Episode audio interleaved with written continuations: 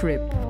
Hallo allemaal en welkom bij Roadtrip, de podcast op de digitale snelweg van Autofans, waarbij we elke twee weken een afrit nemen om te gaan sightseeën in het automobiele landschap. Ik ben Wim van Autofans en bij mij als een godheid stil aanwezig, maar hangend in de cloud en dus omnipresent en ons elke keer weer een stemgevend techniekgod Sven. Hallo, hallo. Goedemiddag. En deze week bij ons te gast iemand van het best bewaarde geheim in de bossen van Limburg.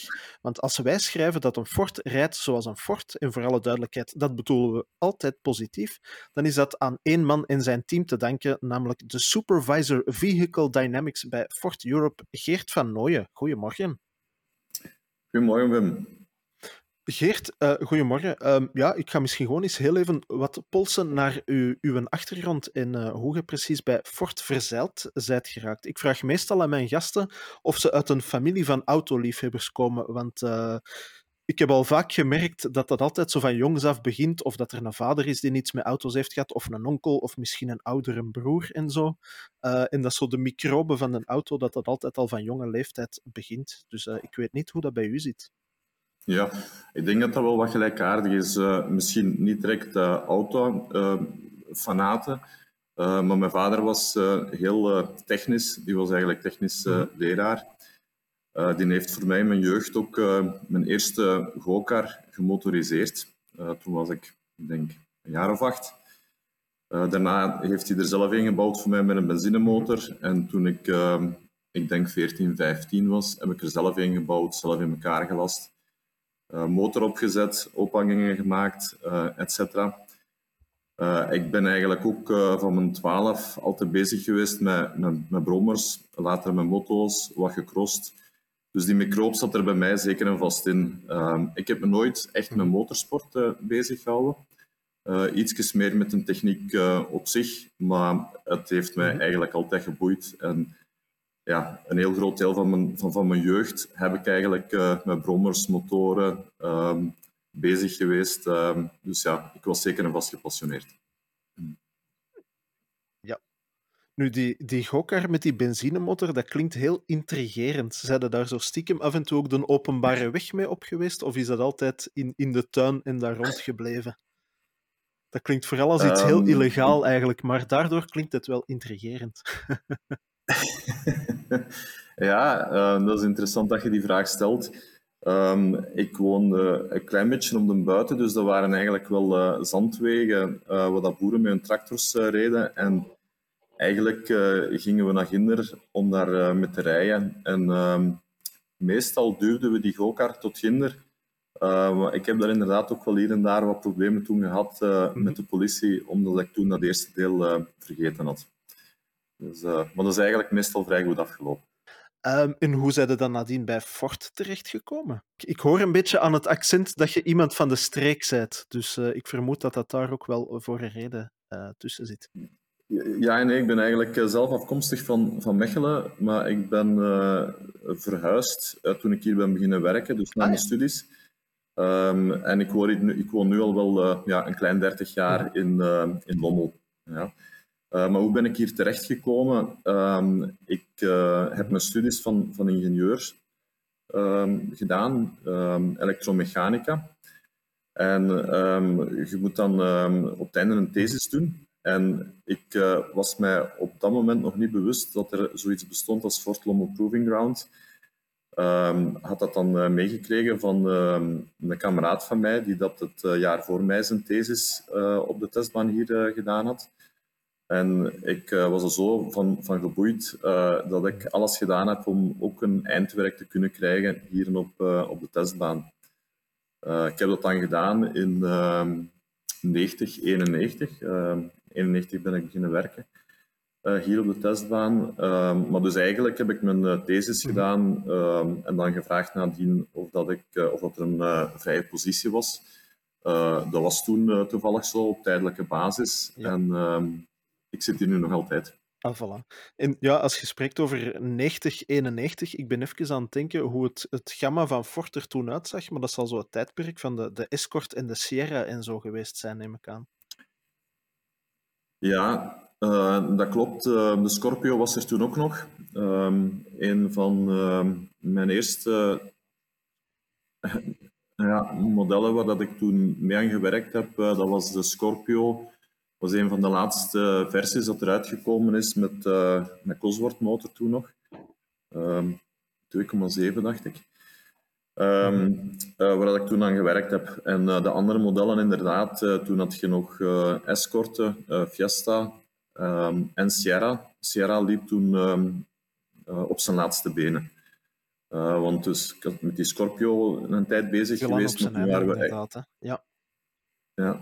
Toen, waren we ook al bezig met de nieuwe Mondeo. Dus de Mondeo, de eerste, die is gekomen in 93, dacht ik. Dus daar heb ik toen ook een deel aan meegewerkt. Als we even fast forwarden naar, naar het nu ongeveer. Um, ja, hoe is het, het coronajaar eigenlijk geweest voor, voor de Proving Ground? Want jullie zitten daar natuurlijk wel een beetje op, op afstand van de bewoonde wereld, als ik dat zo mag zeggen. Maar ja. daar werken natuurlijk ook behoorlijk wat mensen en die moeten regelmatig een auto met elkaar delen. Die moeten ja, regelmatig ook vergaderen en, en testresultaten bij elkaar leggen en zo. Ik neem aan dat dat ook niet zo evident geweest is.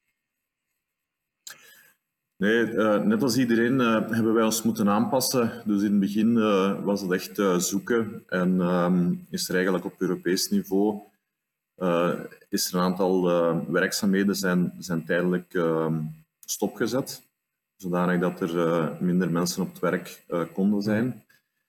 Um, maar na een tijd ja, hebben we daar onze weg gevonden, is eigenlijk alle werk um, gewoon doorgegaan, maar hebben we inderdaad ons uh, moeten aanpassen om dat op een uh, corona-veilige manier te kunnen doen. Uh, dus je hebt, um, wat dat je net zei, de mensen die met auto's rijden. Dus we hebben een, een negentigtal testchauffeurs die dan met een auto rijden op de testbaan. En die, doen eigenlijk, die zitten eigenlijk een hele dag in eenzelfde auto. Dus als die beginnen, ontsmetten die die auto uh, die zitten daar een hele dag in, dus dat is eigenlijk een veilige situatie. Um, als die eruit gaan ook, uh, is er een protocol waarbij dat die hun raam openzetten uh, de laatste paar minuten dat ze rijden. Dan krijgen ze zoveel luchtverversing, dus dat er eigenlijk um, dat dat veilig is. maar dat wordt dan nog eens een keer bij het uitstappen, wordt je wagen nog eens een keer ontsmet door de chauffeur, zodanig dat dat eigenlijk veilig is. Dan heb je wagens waar er beoordelingen mee gedaan worden, waar de mensen aan elkaar mee gaan rijden. Daar wordt dan echt tussen um, de chauffeurs wordt er allemaal ontsmet. En die mensen rijden zelfs in een auto ook met mondmasker. Um, we proberen met twee te rijden enorm te vermijden. Soms moet het. dan werken met een, met een schild, net zoals bij taxis en zo, tussen de bestuurders, of tussen de bestuurder en de passagiers. Um, of uh, we werken met FFP2-maskers uh, eh, op dat moment. Dus dat zijn uh, zaken die dat er um, eigenlijk nu heel goed ingeburgerd zijn. Toen al een hele tijd. Dat loopt goed. Iedereen is ook overtuigd van het nut daarvan. In de gebouwen ook, hetzelfde als bij iedereen, werken we heel een tijd met mondmaskers. Um, goede afstand van elkaar. dus eigenlijk wat dat iedereen doet. Maar het is ook zo dus dat de ingenieurs die voor vergaderingen en zo die worden echt gestimuleerd van zoveel mogelijk van thuis te werken. Um, afhankelijk van de afdeling kan dat meer en minder. Sommige afdelingen is er nog maar 30% uh, uh, onsite. Uh, andere afdelingen die veel meer te maken hebben met het operationele, die, uh, daar is de bezettingsgraad hoger. Maar dus, uh, dat is de manier waarop dat we werken. Werkt eigenlijk vrij goed, maar we hebben onze weg moeten vinden, net als, als veel bedrijven. Ja, het is inderdaad waarschijnlijk uh, wat, wat een routine opbouwen, denk ik. Hè. Nu, um, misschien moeten we eens even ja. illustreren wat er precies gebeurt in die bossen in Lommel. Um, want ja, er gebeuren een hele hoop dingen, maar er gebeuren een hele hoop dingen natuurlijk ook niet. Hè. Wat, wat, doen jullie, wat doen jullie daar bijvoorbeeld wel en wat doen jullie daar niet aan de ontwikkeling van een auto? Ja, ja ik denk uh, Lommel is eigenlijk in de eerste plaats gekomen als een uh, testcentrum. Dus uh, je hebt uh, grote ontwikkelingscentra in, mm -hmm. in Europa, uh, één in Keulen en één in Dunton, dicht bij Londen. En um, dus daar wordt eigenlijk alles gedesigned mm-hmm. en ontwikkeld, hoofdzakelijk. En dan um, in het verleden was er een heel grote nood aan wagens, aan prototypes ook te gaan testen in, in de realiteit. Dus de hoofdfocus in het verleden lag uh, absoluut op het testen, op het, uh, op het duurzaamheidsgedrag van de wagen. Daarvoor zijn er dus een hele hoop chauffeurs die de klok rond 7 op 7 eigenlijk wagens bewegen, prototypes, om te zien dat die duurzaam zijn. Nu, um, dat is het duurzaamheidswerk. Langs de andere kant is er ook het, uh, het performancewerk uh, als grote opgave. Dat is eigenlijk het meten van remvermogen, homologatie van remmen, um, verbruiksmetingen, um, uh, acceleratiemetingen, topsnelheidsmetingen. dus dat is, dat is, een andere grote brok. Uh, een derde brok is mijn afdeling, daar kunnen we misschien later wat verder over praten. Dat is eigenlijk echt uh, ontwikkeling. De vorige zaken waren meer testen, dus nagaan um, wat dat de ontwikkeling gedaan heeft, uh, vaststellen of dat, dat goed is, problemen rapporteren. Um, dus eigenlijk meer het, passieve, dus niet echt het ontwikkelen. In mijn afdeling, Vehicle Dynamics, um, wordt er echt ontwikkeling gedaan, wordt er bepaald welke onderdelen of welke specificaties in de wagens uh, gaan komen. Uh, dat wordt dan nadien ook uitgetest uh, en gemeten, etc. Wat er de laatste jaren ook bijgekomen is, is uh, ADAS, Automated Driver Assist Systems. Dus dat is wat nieuwer. Dus dat zijn de lane keeping aid, um, autonomische eh, cruise control en andere zaken, uh, pedestrian uh, protection. Dus dat de wagen stopt als er een voetganger voor u komt. Dus dat zijn de testfaciliteiten verder uitgebreid, zodanig dat die zaken ook in de praktijk kunnen, kunnen getest worden. Um, wat er de laatste jaren ook ja. meer komt, is dat er specifiek elektrische infrastructuur uitgeprobeerd wordt. Dus dat is eigenlijk een verruiming ten opzichte van uh, de beginjaren van, van de testbaan. Dus dat zijn eigenlijk de hoofdopgaves dat er zijn. Uh, dus wat gebeurt er niet in Lommel? Dus Lommel is, mm -hmm. is in eerste plaats eh, een testcentrum. Dus maar het um, ontwikkelen van, um, dus het echt designen van componenten, um, van totale systemen, de, de looks van de wagen, hè, de styling, dat zijn zaken die gebeuren echt in de engineeringcentra. Dus uh, eigenlijk um, de, de reden waarom dat Lommel gekomen is, is vanaf het moment dat je een wagen hebt dat kan rijden, dan gaat die getest worden. He, maar dus eigenlijk de hoofdontwikkeling, mhm. dat gebeurt in, uh, in de ja. ontwikkelingscentra. Ja, wat ik daarnet wou zeggen is over het, het gedeelte elektrische auto's en rijhulpmiddelen. Daar uh, gaan we het zo meteen nog heel even over hebben. Maar wat mij wel intrigeerde, is hetgeen dat je helemaal in het begin zei van die, uh, die duurzaamheidstests omdat je zegt van ja, die auto's die rijden 7 op 7, is dat um, ja, de manier om, om, om de lange termijn duurzaamheid van die auto te testen, uiteraard. Maar uh, er wordt eigenlijk op heel korte tijd de hele levensspanne van zo'n auto uitgeprobeerd. Hè. Dat wordt heel hard gecondenseerd in waarschijnlijk heel intensief rijden en langdurig laten rijden en laten draaien en heel intensief laten, laten werken. Um, maar ja, hoeveel kilometers komen daar dan bij kijken? Dat moet toch een paar honderdduizend kilometer zijn dat zo'n zo'n testauto dan ondergaat. Ja, um, uh, klopt voor een groot deel. Uh, ook, ook, moeilijk um, om daar exacte getallen op uh, te plakken. Maar dus ja, de reden waarom dat er 7 op 7, 24 op 24 getest wordt, is om eigenlijk die ontwikkelingstijd onder controle te kunnen houden. Hè. Um, dus um, vroeger was een uh, ontwikkelingstijd was zeven jaar van een auto ongeveer. Hè. Toen, toen, toen, ik pas begon, een, uh, een klein dertig -hmm. jaar geleden. Uh, bij de eerste Mondeo zaten we rond zeven jaar. drie prototypefases die dat we doorliepen vooraleer dat die wagen echt op de markt kwam. maar ondertussen zijn die ontwikkelingsperiodes serieus ingekort. Dus we spreken nu meer over twee jaar 2,5 uh, jaar, waarbij dan een wagen volledig uh, klaar is. Dus je hebt eigenlijk ja. geen tijd te verliezen. Um, en hoe sneller dat je resultaten paraat zijn, hoe beter. En dat is dus de reden waarom dat die testen gedaan worden. En die zijn inderdaad intensief. Hè? Dus je gaat ehm, een testprogramma opstellen. En die zijn allemaal gestandaardiseerd, uiteraard. waarbij dat je alle mm -hmm. zaken dat je wilt getest hebben, dat die intensief getest worden en dat als uw test voorbij is, dat je ook een heel hoge zekerheid hebt dat dat in orde is. En ja, wat ik erbij moet zeggen is dat dus die zaken die zijn eigenlijk heel goed onder controle momenteel, zeker wat, wat dat duurzaamheid aangaat. De veel grotere uitdaging is momenteel van alle elektronische systemen uh, die met elkaar moeten communiceren, samenwerken, om die ook uh, mee uit te testen. Dus dat is eigenlijk wel echt een, een grote verschuiving. Ja.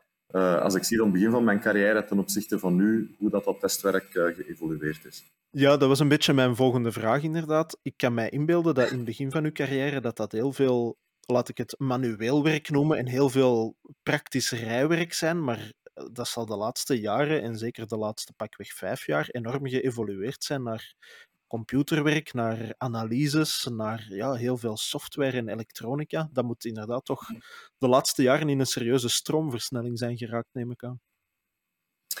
Ja, dat klopt absoluut. Uh, dus uh, ja, straks uh, misschien verder over mijn afdeling, maar ik ga daar toch even naar refereren. Dus ik uh, heb bij mijn afdeling ook enorm mhm. veel geïnvesteerd in nieuwe ehm, processen die hoofdzakelijk uh, met de computer uitgevoerd wordt, dus uh, modellering, uh, zodanig dat je op voorhand eigenlijk een groot deel van je werk klaar hebt en dat het fysisch testwerk dat dat serieus minder wordt. Dat is um, iets wat je in alle um, grote auto, bij alle grote autoconstructeurs ziet. Uiteindelijk Um, is alles wat dat de laatste 20, 30 jaar opgebouwd is, um, daardoor kun je nu met veel minder prototypes uh, werken. En je ziet overal een verschuiving uh, in de elektrificatie, in het autonoom rijden. Um, uiteindelijk moet dat ook allemaal gefinancierd worden. Hè. Je hebt dan natuurlijk ook uh, een business case wat erachter zit. En omdat er zoveel bijkomende zaken gebeuren, um, dat moet uiteindelijk met dezelfde mensen gedaan worden, met dezelfde budgetten moet je gaan zien dat je efficiënter wordt. dus dan moet je iedere keer verder en verder bouwen uh, op de kennis wat dat je hebt. En de kennis dat je hebt, dan moet je in je computersystemen uh, steken, zodanig dat je daar geen, uh, geen auto meer voor, voor nodig hebt. Dat heeft grenzen. dus uiteindelijk gaat je nog altijd met auto's moeten rijden, maar feit is dat, het, mm dat er veel meer met de computer gebeurt. Inderdaad. Ik neem aan dat het voor, voor jullie en jullie team dan ook eigenlijk continu bijleren is. Dat uh, zeker ja, dat elektronisch gedeelte, hetgeen dat je daarnet aanhaalde, elektrische auto's, rijhulpmiddelen en zo. Ja, dat uh, de, de kennis die jullie nu hebben tegenover de kennis van twee jaar geleden, dat dat ook al compleet anders is en, en eigenlijk continu uitbreidt en ook ja, dat jullie daar continu over moeten blijven bijleren. Ja.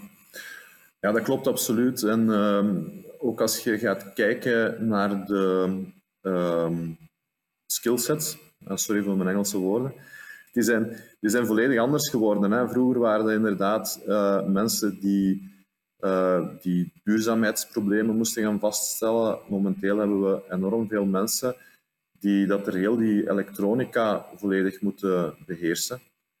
Zowel van motorsturingen als van die rijhulpsystemen, um, als van um, een, gewone besturing. Hè. Vroeger was dat hydraulisch, momenteel uh, is alles uh, met elektrische besturing. Dus, dus mensen die vroeger uh, enkel met klassieke mechanische systemen bezig waren, die zijn eigenlijk nu bezig met programmeren van, van een gevoel van een auto. Dus dat is, dat is inderdaad, dat, dat verandert continu.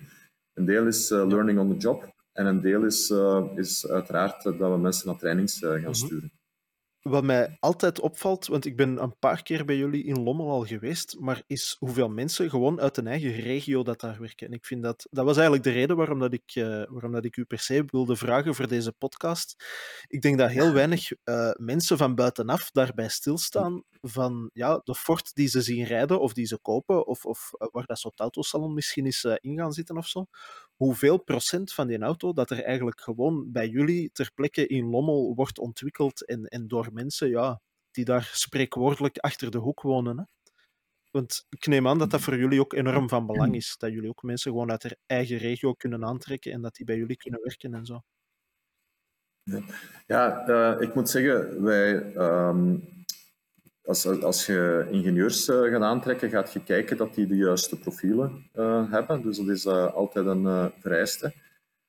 nu, het is zo dat wij ook samenwerken met universiteiten, hogescholen, maar ook technische scholen, heel nauw, ook lokale scholen waardoor dat je automatisch die link gaat maken, dat je dat bewustzijn ook hebt dat er jobs zijn. En waardoor dat je dan eigenlijk spontaan wat met een, met een hoop mensen samenkomt die inderdaad van de streek zijn. Want het is niet enkel van, van echt lokaal. Dus we hebben ook mensen uit Nederland, uit Duitsland, die dat er ook bij ons werken. Maar het grotendeel is inderdaad mensen die, die van, van de streek zijn ja. En, en inderdaad, dus die Ford-producten, zeker qua rij-eigenschappen, daar, daar is er heel veel wat dat er uh, uit Lommel uh, ontwikkeld is.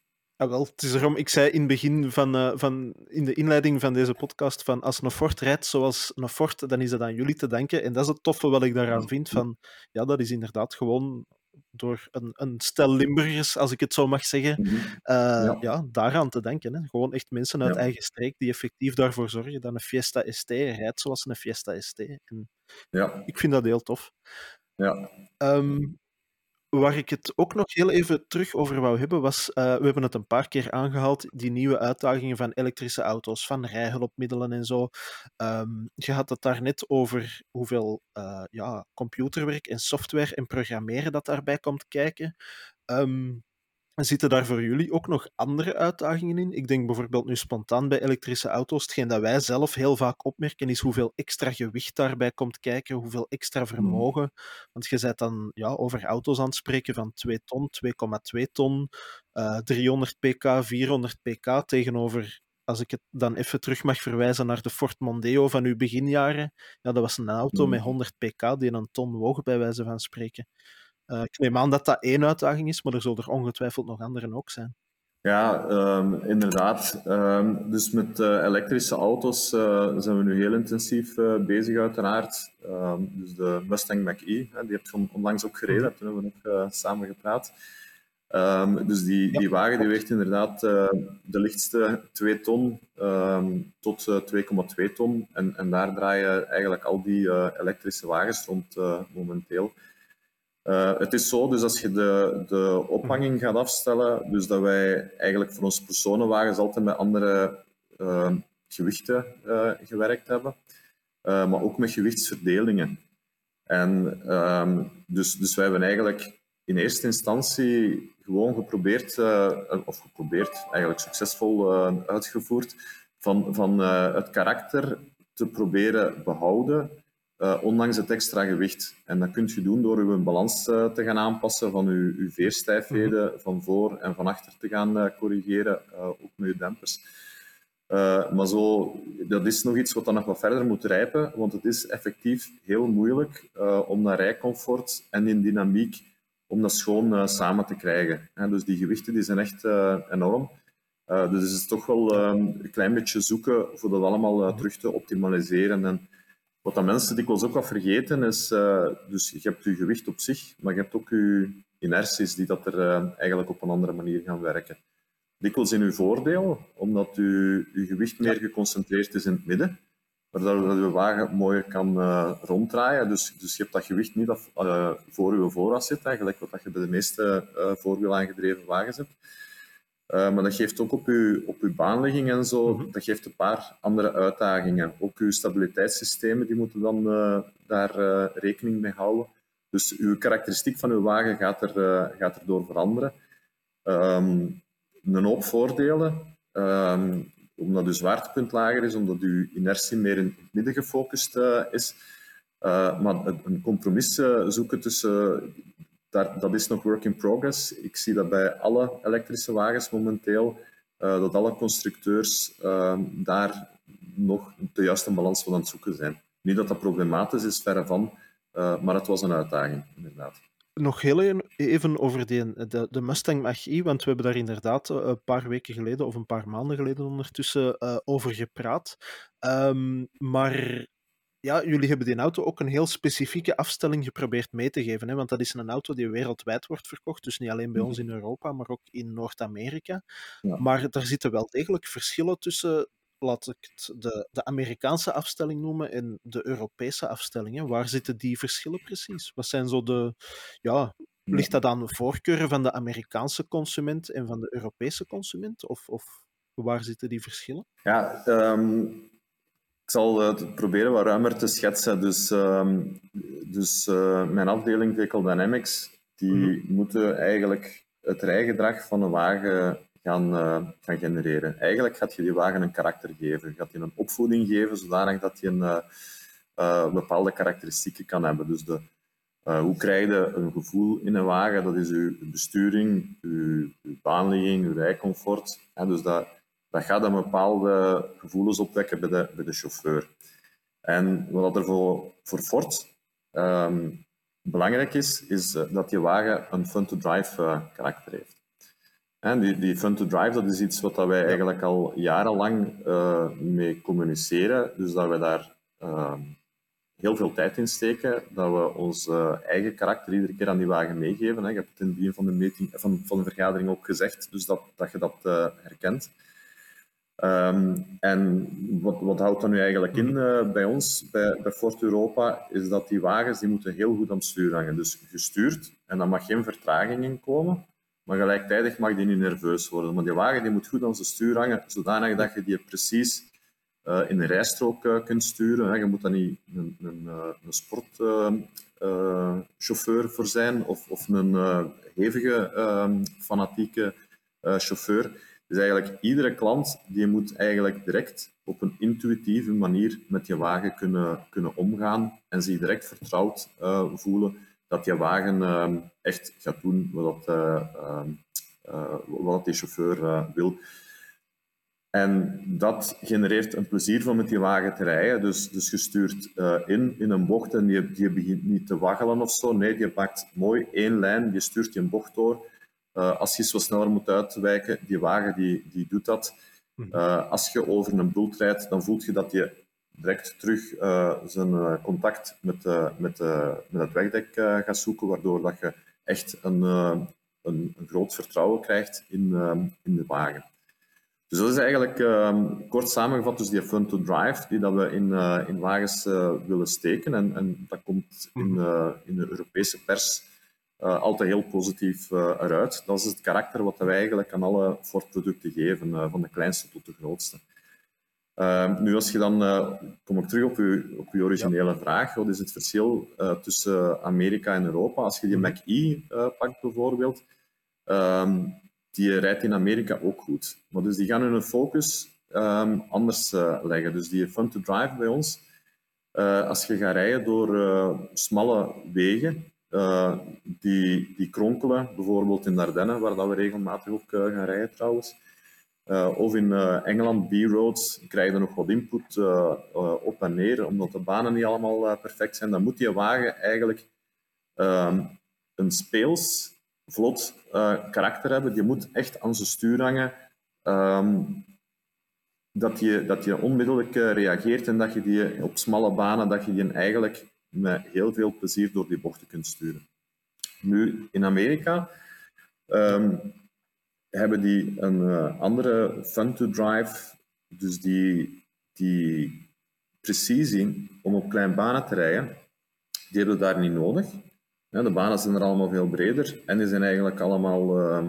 Ja, ze hebben geen kleine banen daar natuurlijk. Ja, voilà. Nee, Nee, en wat er ook is, dus wat die nu wel uh, meer gaan doen, is die gaan kijken uh, naar circuits. Uh, en op een circuit moet die wagen bepaalde karakteristieken hebben. En dus die gaan iets meer die focus leggen van het sportieve, dat kunnen vaststellen als je met die Mac-E, hetzelfde als met gewoon Mustangs op, op een circuit gaat, rijdt je echt ook goed, maar dus die is niet zo afgesteld voor, uh, voor nimble en snel te kunnen reageren op uh, kleinere banen. Dus dat is eigenlijk um, een groot verschil. Wat zij ook anders hebben in Amerika, is dat um, dus die grotere uh, inputs in de banen, die hebben daar ook iets minder. Hun snelheden liggen lager, maar wat dat ze wel hebben, is bijvoorbeeld slechte betonnen mhm. banen, die iedere keer een kleine slag geven, tuk, tuk, tuk. Iedere keer als je over een betonnen plaat komt, wat je heel frequent hebt in Amerika. En dan moet je die ophanging ook een klein beetje anders op, uh, op afstellen.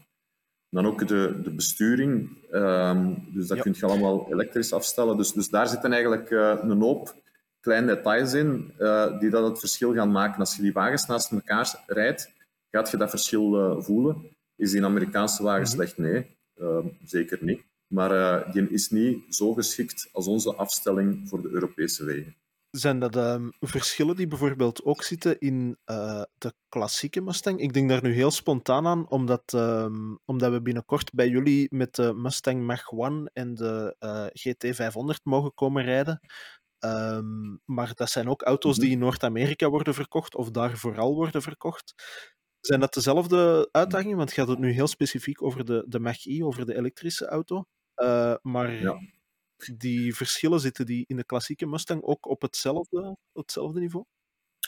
Ja, um, ik, ik, moet zeggen, dus um, er zijn sommige modellen waar dat we specifiek voor, uh, voor de markt een aanpassing gaan maken. En de Mac-E die gaat eigenlijk toch wel met tamelijk grote mhm. volumes in Europa verkocht worden. En daar hebben we specifiek een uh, aanpassing gedaan voor de, voor de Europese markt. Omdat dat, uh, ja, ik zeg het, dat een grote ja. volumes. De klassieke ICE uh, Mustangs, hè, dus de internal combustion engine uh, motoren, dus de klassieke Mustangs, uh, hebben we geen specifieke Europese tuning gedaan, maar we, zijn daar wel, we hebben daar wel heel nauw samengewerkt met de Amerikanen. Dat zijn onze collega's, werken we met veel projecten voor samen trouwens. en daar zijn we ook een aantal keren voor naar Amerika gegaan om daar eigenlijk ook te zien dat we daar het beste van twee werelden wat konden uh, uitmaken. Dus hebben we geen specifieke aanpassing gedaan. Um, dus, dus dat is een beetje verschillend als, uh, als bij de Mac-E. Je had het daarnet, eh, zeiden heel even van, ja, we gaan ook vaak in de Ardennen testen of op van die Engelse B-roads. Um, zijn dat banen die er in Lommel niet liggen? Want als je bij jullie mocht rondrijden of eens mocht gaan kijken, uh, wat dat af en toe voor publiek ook kan, als ik mij niet vergis, op heel specifieke dagen. Het kan nu zijn dat dat met corona ondertussen niet doorgaat, maar uh, ik kan mij precies herinneren dat je daar zelfs ooit eens kon gaan fietsen op jullie testbanen. Maar jullie hebben daar echt allerlei soorten asfalt ja. liggen en allerlei soorten ondergrond en, en uh, ja, compressies en heuvels en wat ik mij maar kan inbeelden. Maar er zijn toch nog echt specifieke soorten ondergrond waarvoor jullie de openbare weg op moeten. Ja, nee, dat klopt. Um, ja, dus uh, we hebben hier, uh, ik denk, ondertussen 19 testbanen. we hebben een totale afstand van meer dan 100 kilometer, ik denk 105. dus dat is echt wel enorm wat dat we hebben. Mm -hmm. Uh, maar toch is soms nog niet genoeg, inderdaad. En uh, gaan we nog naar andere plaatsen. Dus wat, dat, ehm, wat dat wij in, in, in, mijn afdeling eigenlijk doen, is in de winter zijn we tamelijk veel weg. Dus we hebben voor veel testen hebben we volledig droge weg nodig. In de winter kan het zijn vanaf dat een dag geregend heeft met de vochtigheid en de lage temperatuur, dat je een paar weken geen droge banen meer krijgt. En voor sommige zaken, zoals ESP-ontwikkeling, dus uh, stabiliteitsontwikkeling elektronisch, moet je die referentieoppervlakken uh, hebben. Dan gaan we meestal naar Spanje, naar publieke testbanen. Dat doet het grootste deel van de auto-industrie in de winter. Ja. Een andere reden waarom dat we naar het buitenland gaan, is ook weer voor ESC-afstelling op sneeuw en ijs. Dus uh, daar wordt eigenlijk tamelijk veel energie in gestoken. Mm -hmm. Dus normaal gezien zitten we toch met mijn team, ehm, goh, ik denk een ehm, zes tot tien weken, dat er altijd iemand van mijn team in, in Zweden is. En dat wordt dan gereden op sneeuw en ijs. Dat zijn meestal bevroren ah, ja. meren, die dat dan geprepareerd worden. Waardoor dat je dan daar heel die ESP-afstelling voor, ja. voor winterse omstandigheden kunt doen. Um, dan iets gelijkaardigs, wat dat we ook uh, doen, dat is banen die permanent nat kunnen gemaakt worden, ook weer voor eh, ESP-ontwikkeling. Um, dat, die mogelijkheid hebben we niet in Lommel. daarvoor gaan we dan ook naar externe testbanen. Dat is wel iets minder, maar voor bandenontwikkeling en ESP-ontwikkeling wordt er ook op um, puur nat getest. Dus, dus wij testen eigenlijk op, op droog, nat en sneeuw en ijs. Dus op drie, drie uh, omstandigheden. En daarvoor moeten we regelmatig weg. Ja, um, dan het, het, het, dat, wat ik er juist ook had aangesproken, in de Ardennen. dus wat dat, we hebben de afstelling van de wagens altijd doen, is dus we beginnen op de testbaan.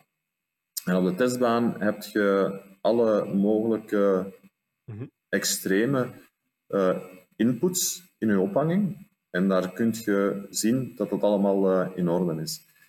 Waar je voorzichtig moet mee zijn, is dat je een wagen niet afstelt voor enkel goed te zijn op de testbaan, omdat de testbaan een klein beetje een uh, onrealistisch karakter heeft.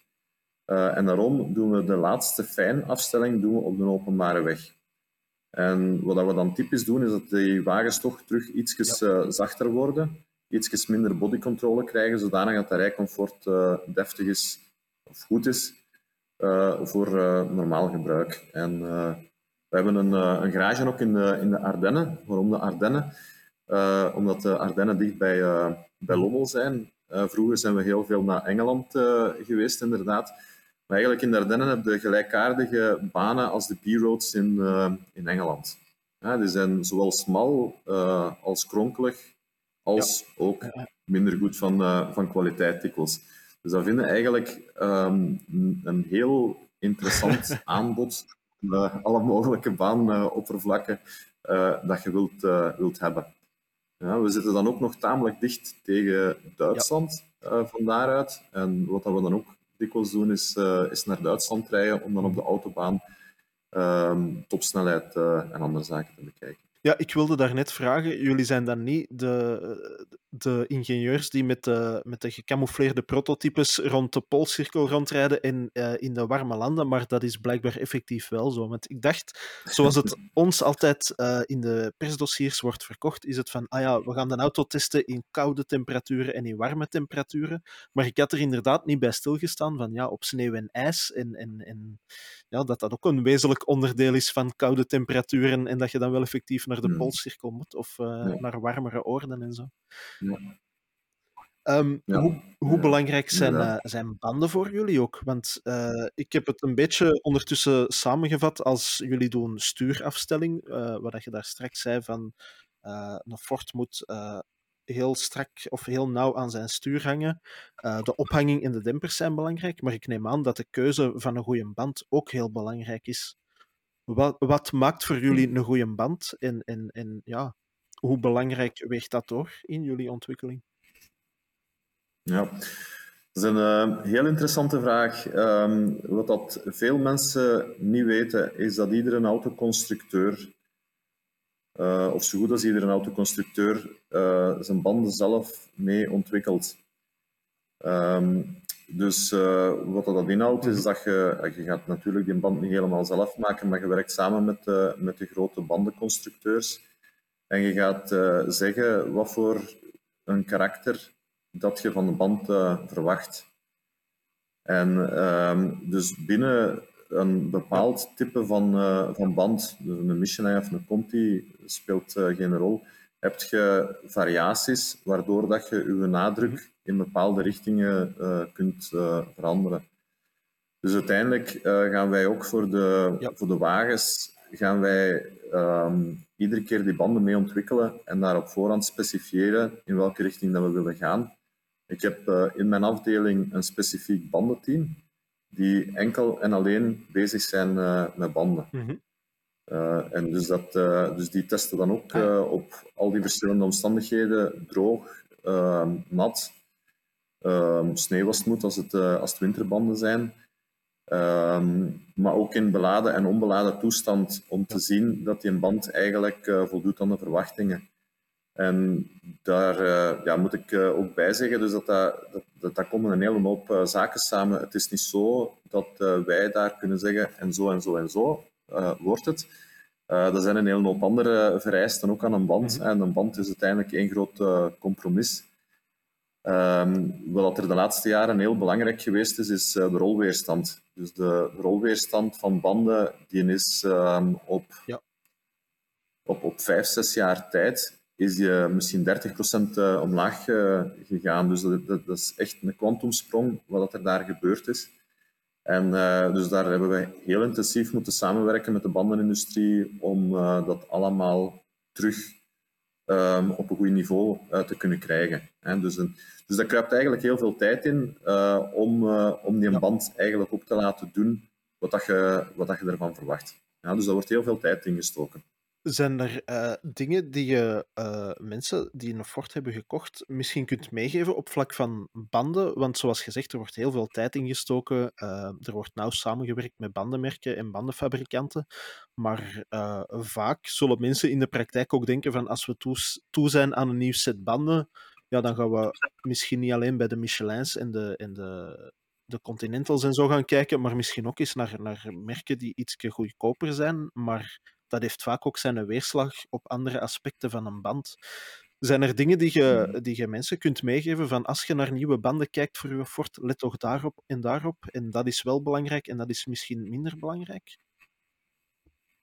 Goh, dat, is, uh, dat is heel moeilijk. Uh, het is zo dus dat uh, de courante merken, dus dat daar eigenlijk zoveel ontwikkeling in zit, dat, er, ehm, dat die allemaal een, een deftig compromis gaan vormen Ehm, wat dat uiteindelijk product uh, betreft. En, en als je ook ziet hoe dat, dat vooruit gaat, hè, dus, dus je gaat niet meer de identiek zelfde band kunnen kopen als wat er uh, op uw nieuwe Ford uh, stond, maar langs de andere kant is het zo dus dat die bandenindustrie gelijktijdig ook vooruit gaat. Uh, dus op, op dat gebied is dat um, ja. een klein beetje moeilijk. Nu, wat er de laatste jaren wel aan het gebeuren is, is dat er veel meer labels komen, ook op, op de banden. Um, waarbij dat je kunt zien wat voor kwaliteit dat die heeft. Hè. Dus mhm. hetzelfde als bij wasmachines. Uh, had je, uh, heb je daar ah, labels voor uh, een E-label of een, of, of een B-label, label, zowel voor rolweerstand, maar naar de toekomst toe, ehm, eigenlijk is er al een hoop. Je, kunt je eigenlijk van die labels kunt je aflezen wat voor vlees dat je in de kuip hebt. En daar gaat je wel zien dus dat de duurdere banden die gaan met die, met die labels op een uh, beter niveau zitten als de, als de andere banden. Wat dan nu zwart-wit uh, zeggen is heel uh, moeilijk. Het enige wat ik kan zeggen is, een band is een van uw belangrijkste componenten die uw veiligheid gaat garanderen. Hè. Dat is uw enige contact met de weg. En als die versleten is, ja. um, dan mogen uw, uw, uw rijhulpsystemen zo goed zijn als dat ze willen. Maar dat, uh, dat gaat er niet volledig redden. Dus uw band blijft heel belangrijk. Dus met een gezonde band uh, rondrijden is de belangrijkste boodschap uh, wat dat mij betreft. En, en ook de bandenspanningen respecteren.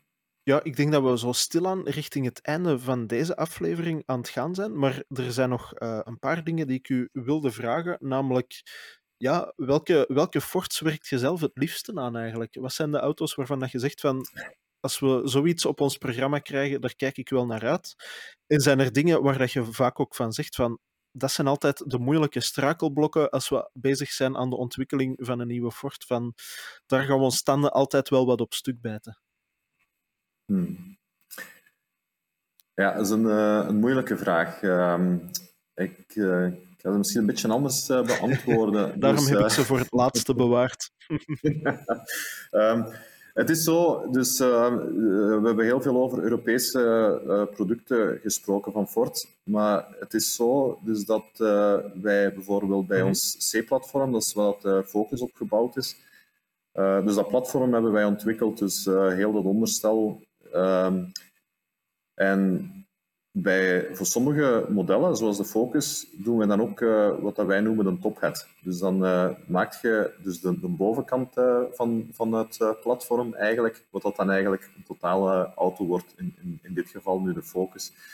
Nu, op dat platform bouwen wij ook een hoop andere producten, die dat dan in andere regio's uh, gebruikt worden. Hè. Dus bijvoorbeeld op het platform hebben we modellen gebouwd die dat er in China verkocht worden of in Amerika verkocht worden. En wat ik persoonlijk minder uh, leuk vind, is dat ik een, uh, zo'n ontwikkeling, dat we dat niet van begin tot einde volledig zelf kunnen doen. Dus dat is voor mij minder interessant, ziet ah, mijn team ook zo, omdat je daar eigenlijk niet de ownership ehm, hebt van begin tot einde. Uh, dus eigenlijk, je gaat niet die vierheid uh, kunnen hebben op het moment dat dat op de markt uh, komt, dat product, omdat je maar dan helft, helft zelf verantwoordelijk bent. Dus eigenlijk, um, dat is een van, van, van mijn belangrijkste dingen wat ik plezier heb, is dat ik een product van begin tot het einde volledig kan gaan afwerken. En dan um, kun je ja. zeggen van ja, wat zijn de leukste producten? Leuke producten hebben natuurlijk um, wagens die ook sneller zijn, meer richting sportiviteit gaan, zoals zo'n Mustang Mach-E. heel leuk, ehm, wat dat we daar mee gedaan hebben.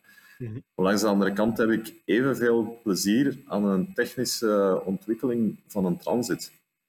Um, dat is niet iets wat iedereen misschien zo ah, direct zou denken, maar dus, je zit eigenlijk een ontwikkeling aan toe, maar dat is, dat is een even mooie technische uitdaging als sommige sportwagens. Dus daar heb je complexiteit uh, die dat daar een rol speelt van alle mogelijke varianten dat er zijn.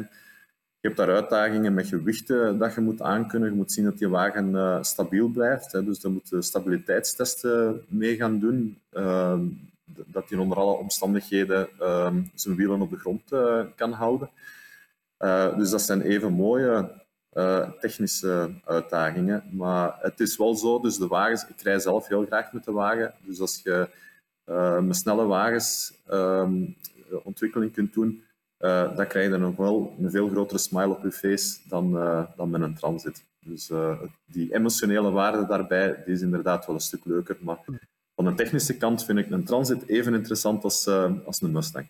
Ah, wel, ja, ik vind het tof dat je dat zegt. Ik had er inderdaad niet bij stilgestaan, maar ja, de, de bedrijfswagens die doen jullie natuurlijk ook. in effectief, zo'n bestelwagen, als die leeg is, tegenover wanneer daar een ton lading achteraan in zit, dat maakt inderdaad een wereld van verschil. Alright, Geert, dan denk ik dat wij stilaan aan het einde gekomen zijn van deze aflevering. En dan rest er mij alleen nog maar om u geweldig hard te bedanken voor de tijd die je vandaag voor ons kon vrijmaken. Uh, en dan stuur ik u richting uw volgende meeting, want uh, zoals dat je verteld had, uw agenda zat behoorlijk vol. Um, maar ik neem aan dat wij elkaar sowieso nog wel eens zullen tegenkomen. Als het niet bij jullie in Lommel is, dan zal het wel ergens anders te velden zijn. Dus Geert, ja. geweldig hard bedankt uh, voor de tijd die je vandaag voor ons hebt vrijgemaakt. Graag gedaan en bedankt voor het interview. Voilà, en dan is het alleen nog aan de luisteraars uh, die ik nog even wil bedanken voor het luisteren of wie via YouTube gekeken heeft uh, voor het kijken. En over twee weken zijn wij er terug met een redactiepodcast, dus met Yves en mezelf. Uh, dus tot over twee weken voor de volgende roadtrip. Tot ziens.